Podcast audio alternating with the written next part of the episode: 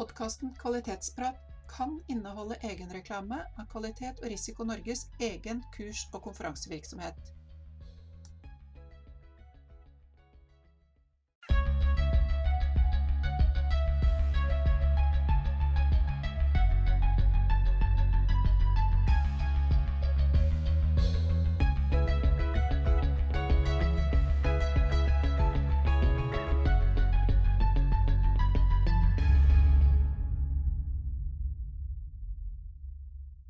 Altså, nå, Ja. nå får vi innspilling. Nå er det innspilling, ja. Yes. Da Ja. kan jeg jo fortelle den eh, nysgjerrige lytter om at nå har vi spilt inn en halv, nesten en hel podkast og ikke klart å trykke på riktig knapp. Så sånn er det. Sånn nybegynner i podkastfaget og på de tekniske systemene. eh, Og dette fine programmet som heter Audacity. Men OK, så er vi tilbake. Podkast eh, episode fire, eh, hvis vi ikke, nummer fem hvis vi tar med innledningen. Eh, denne podkasten handler om struktur. Ja. Og det, jeg har som vanlig med meg, Sire Mathisen. ja, og jeg heter Sissel Storås. Så velkommen til KRN sin kvalitetsprat. Ja. Eh, som sagt om kvalitetsstrukturer. Um, så var det bare å prøve å huske på alt det fine vi sa når vi i forrige omgang ikke klarte å ta blir Snakk om- snakk om struktur. Ja. Jo, men altså, faktisk er det jo det det handler om. Uh, Ja. Jeg trodde jeg hadde rutinen inne, Ja. mm, men uh, det hadde jeg tydeligvis ikke. Det var en liten glipp av den rutinen der nå. Ja. Det er litt for ny rutine, da. Ja, Kanskje mulig. ikke satt seg helt ennå. Kanskje ikke. Det var bare en rød knapp som jeg skulle trykke på. Som jeg, men OK. Eh, struktur for når vi slutta å, å, å kjase. Nå må vi komme i gang. Uh, kvalitetsstruktur, Siri. Ja. For noe av det vi snakket om, var jo dette med Altså, dette med altså, Hvordan får man struktur på plass i en virksomhet, og, og hva, hva er det? Mm. Uh, og jeg syns alltid det er interessant å starte med bare se på dette med at man starter som lite, en liten virksomhet. Det kan være én person, eller det kan være flere personer som starter noe sammen. Mm. Eh, når man starter opp, så, så er det veldig klart hva man vil for noe, og man etablerer rutiner som man trenger for å, å få dagen til å gå. Eh, du som driver et enkeltmannsforetak, har jo dine rutiner med å følge opp hvis du får kontakt, du får tak i noen som er potensiell kunde, du har en oppfølging på det. Eh, du har oppfølging når du har begynt å jobbe med en kunde. Du Mm. har oppfølging når du skal fakturere.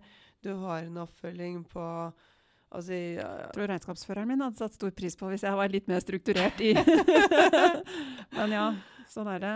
Ja, eller litt sånn mangel på struktur innimellom. Og så Mm. oppdager man det at eh, det gikk en stund, og så kommer man til et stadie hvor det plutselig ikke går så godt allikevel med den gamle rutinen. Den blir ikke god nok. Mm. Og så blir man nødt til å etablere seg en bedre rutine.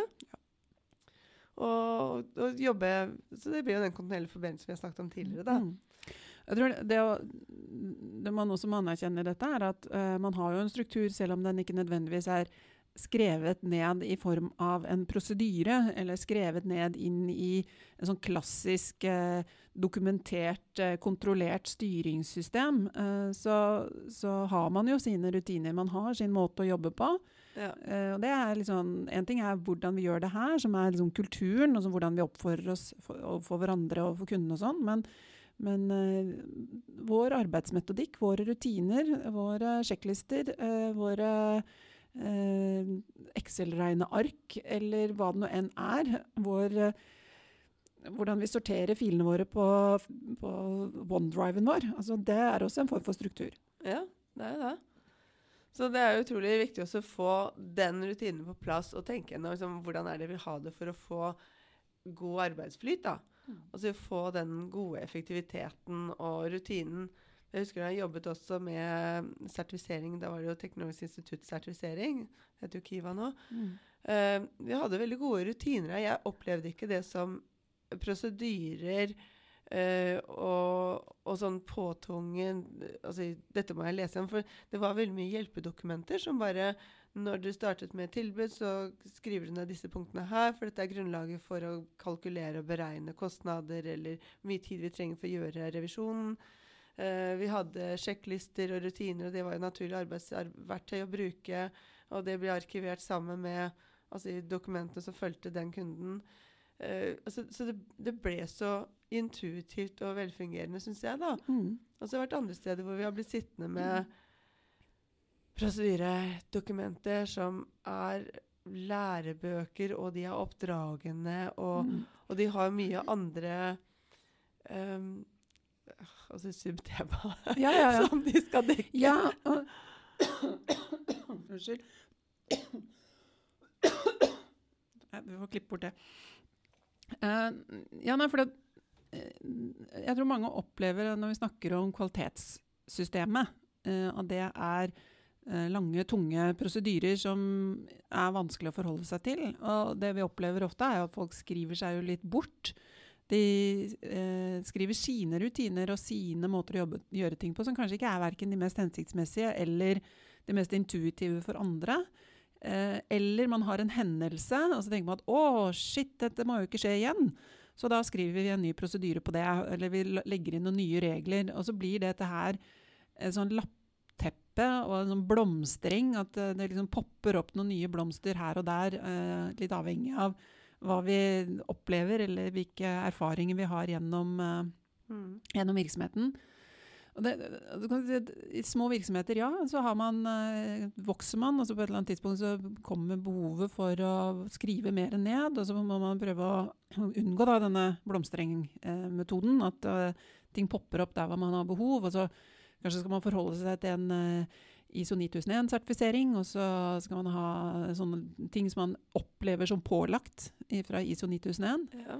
Um, og det, det er med vilje jeg sier opplagt, eller opplevd som pålagt, for det er jo ISO 9001 er egentlig ganske rund i kanten når det gjelder hva man må ha. Ja. Men, men uh, det kommer vi tilbake til. Men eh, ofte så kommer man inn i, i store virksomheter. Da. De fleste jobber jo allikevel i en etablert virksomhet som har vært der en stund, og som kanskje har en viss størrelse, eh, og som kanskje også har etablerte prosesser og etablerte eh, metoder å jobbe på. Mm. Um, og da er det jo en fråga hvordan bruker man det da? Hvordan man skal forholde seg til det som ny. Det kan jo noen ganger oppleves ganske trøttsomt å bli plassert inn på et rom og få beskjed om å lese gjennom eh, noen permer med prosedyrer. Det var min første sommerjobb eh, på Nutek i Bergen. Da vi skulle være med på forboringstestene til Heidrun. Sånn, eh, men, men de, de første dagene så satt jeg rett og slett eh, inne på et rom og leste prosedyrer. Eh, jeg sov godt. det så godt, ja. Ja. Det hørtes utrolig kjedelig ut. Ja, fantastisk kjedelig. For det er noe med at veldig mange prosedyrer er ganske kjedelige av seg. Altså, sånn, og hvis du ikke har et veldig aktivt forhold til innholdet i dem, Mm. ved at du enten har eh, altså, deltatt eller sett på, eller du vet sånn noenlunde hva som faktisk skal skje, sånn at du har veldig altså, altså, Det er i hodet ditt hva du ser for deg på en måte liksom, hva som skal skje. I hvert fall Mm. for sånne som er visuelle som meg. Så liksom trenger jeg bare se Å ja, i den situasjonen. Og da kan jeg på en måte assosiere mye bedre med den teksten som står i prosedyren, med det som skal skje. Ja, men, men det er jo gjerne sånn at altså det er jo om å gjøre også at man henter frem de prosedyrene eller den prosessen eller den sjekklista man trenger når man trenger den. Ja. Altså det er litt sånn pilotene når de skal ut og fly, så, så tar de jo ikke frem og leser seg gjennom landingssjekklista når de skal ta av. Altså de, de, de må jo hente frem den, den sjekklista som er relevant for den oppgaven som skal utføres akkurat nå. ja? Eh, og det er en viktig aspekt ved et styringssystem eller en struktur. Ja. At den er relevant, og at man er tilgjengelig for den oppgaven man skal løse. Ja. Så skal, skal du lage sjokoladekake, så finnes det tusenvis av oppskrifter på sjokoladekake. Så først og fremst må du finne riktig oppskrift. Og så er det jo noe med å følge den, da. Og det, men vi gjør jo det. Altså, når vi skal installere noe, eller vi skal bake noe, eller vi skal lage et eller annet, eller vi skal montere Ikea, så tror jeg de fleste allikevel innser at det, du kommer raskere til mål, da. Hvis Ja. du faktisk følger bruksanvisningen eller monteringsanvisningen som følger med det flatpakka møbelet. Ja. Og, og i, realiteten så er et styringssystem det er ikke noe mer komplisert enn en monteringsanvisning til et Ikea-møbel. Nei, det er jo ikke det. Og IKEA har jo valgt å gjøre dette med figurer og tegninger. Da, Ja. For å illustrere for at det er ganske internasjonalt uh, språk, rett og Ja. Mens uh, de fleste systemene jeg har vært borti, er jo veldig mye ord, og de er veldig ordrike av og til. Sånn som snakker om at du, man får disse prosatekstene som er altfor lange og, og kanskje ikke er tilpasset kunden eller den brukeren som skal lese dette her. Ja. Så der ligger jo mange muligheter i å gjøre disse instruksene enkle og tilgjengelige. Eh, Og, og en av de mest effektive tingene man kan gjøre med det, er jo å switche fra disse ordrike prosamessige prosedyrene over til et prosessbasert styringssystem, hvor man i større grad har tegnet opp hovedoppgavene i et eh, prosesslandskap, og, og til man kommer ned til et nivå hvor man kan lage en, en arbeidsflyt eh, som, eh, som beskriver mer eh, rekkefølgen i oppgavene som skal løses, og heller legge ved korte beskrivelser bak hver oppgave, sånn at man, eller hver aktivitet, sånn at man eh, mye enklere klarer å kunne forholde seg til at her er min rolle, dette er mine aktiviteter, dette her er eh, de, eh, det ansvaret jeg har for å levere i denne prosessen. Mm. Så det er jo den store utviklingen som vi har sett de siste 20 årene i hvert fall. Denne Ja. overgangen til eh, å tenke prosess. Nå, ISO 9000 kom vel med det allerede i 1998, tror jeg. Ja, fall 2000-versjonen av ISO 9001 Mm. hadde prosessfokuset på plass allerede. Ja. Uh, det kommer jo opp hver gang det kommer en ny utgave i 2008. 'Å, nå kommer de med prosess', sier jeg. 'Å, nå er dette noe helt nytt nå', liksom. Og så virker det som alle har glemt at det var prosess tidligere. Mm. Og nå har de jo flytta helt inn i kapittel 4.4.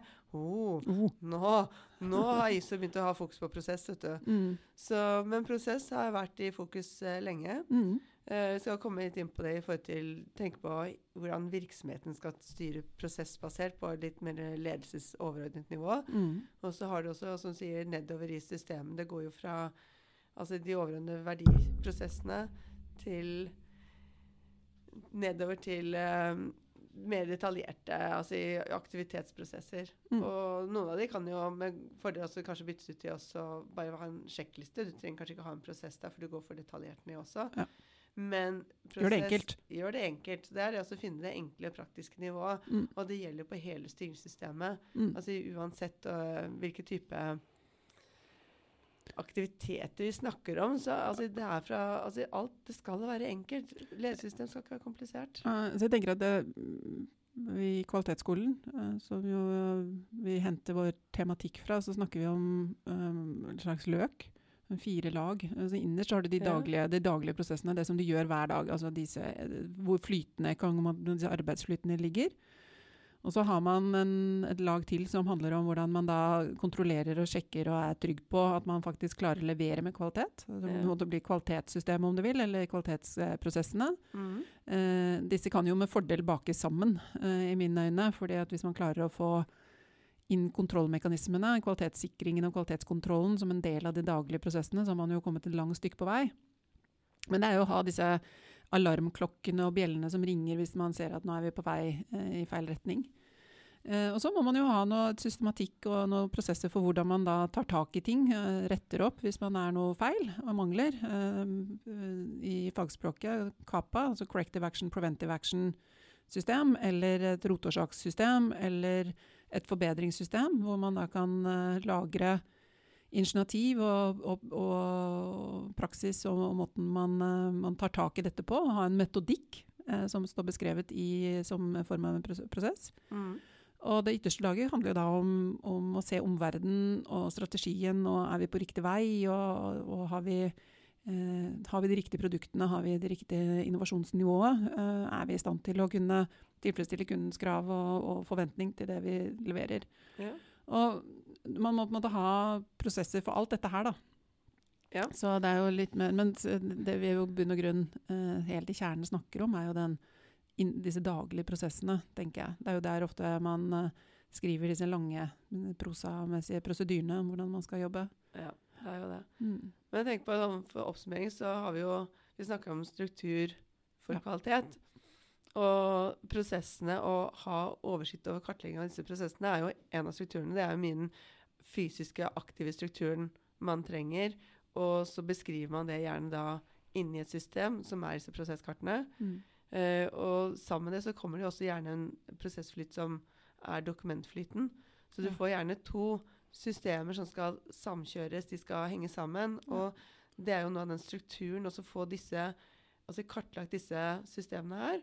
og bygge opp en god grunnmur og basis på det. Og det Mm. kommer jo mer tilbake til senere. Ja, det gjør vi.